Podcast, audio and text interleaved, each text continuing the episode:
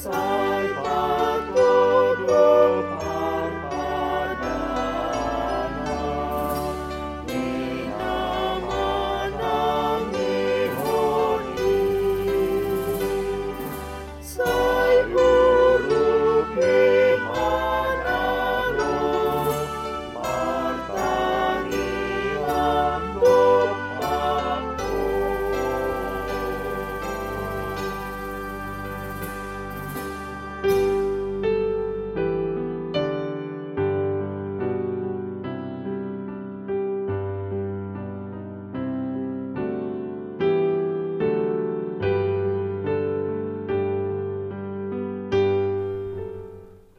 Renungan Harian HKBP Romangun Ikutlah aku pada Minggu Info Covid 21 Februari 2021 dengan tema Janji dan Kuasa Allah.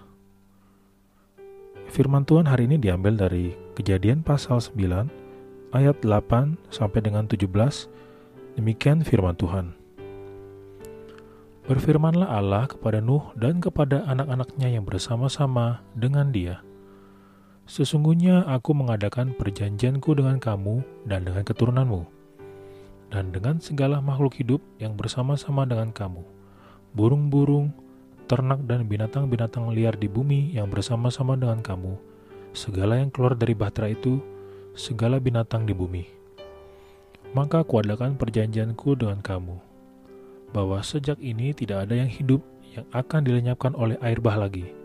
Dan tidak akan ada lagi air bah untuk memusnahkan bumi. Dan Allah berfirman, Inilah tanda perjanjian yang kuadakan antara aku dan kamu, serta segala makhluk yang hidup, yang bersama-sama dengan kamu turun-temurun untuk selama-lamanya. Busurku kutaruh di awan, supaya itu menjadi tanda perjanjian antara aku dan bumi. Apabila kemudian kudatangan awan di atas bumi, dan busur itu tampak di awan, maka aku akan mengingat perjanjianku yang telah ada antara aku dan kamu, serta segala makhluk yang hidup, segala yang bernyawa, sehingga segenap air tidak lagi menjadi air bah untuk memusnahkan segala yang hidup. Jika busur itu ada di awan, maka aku akan melihatnya, sehingga aku mengingat perjanjianku yang kekal antara Allah dan segala makhluk yang hidup, segala makhluk yang ada di bumi. Berfirmanlah Allah kepada Nuh, Inilah tanda perjanjian yang kuadakan antara aku dan segala makhluk yang ada di bumi. Demikian firman Tuhan. Janji merupakan sebuah pernyataan kesediaan atau kesanggupan untuk berbuat sesuatu. Di dalam kehidupan kita di dunia ini, janji merupakan suatu hal yang mahal di kalangan manusia saat ini. Maka kerap orang berkata, "Jangan berjanji bila tak sanggup menepatinya." Saudaraku, firman Tuhan pada hari ini menyapa kita melalui janji Allah kepada Nuh setelah terjadinya air bah yang menerjang seluruh isi bumi ini.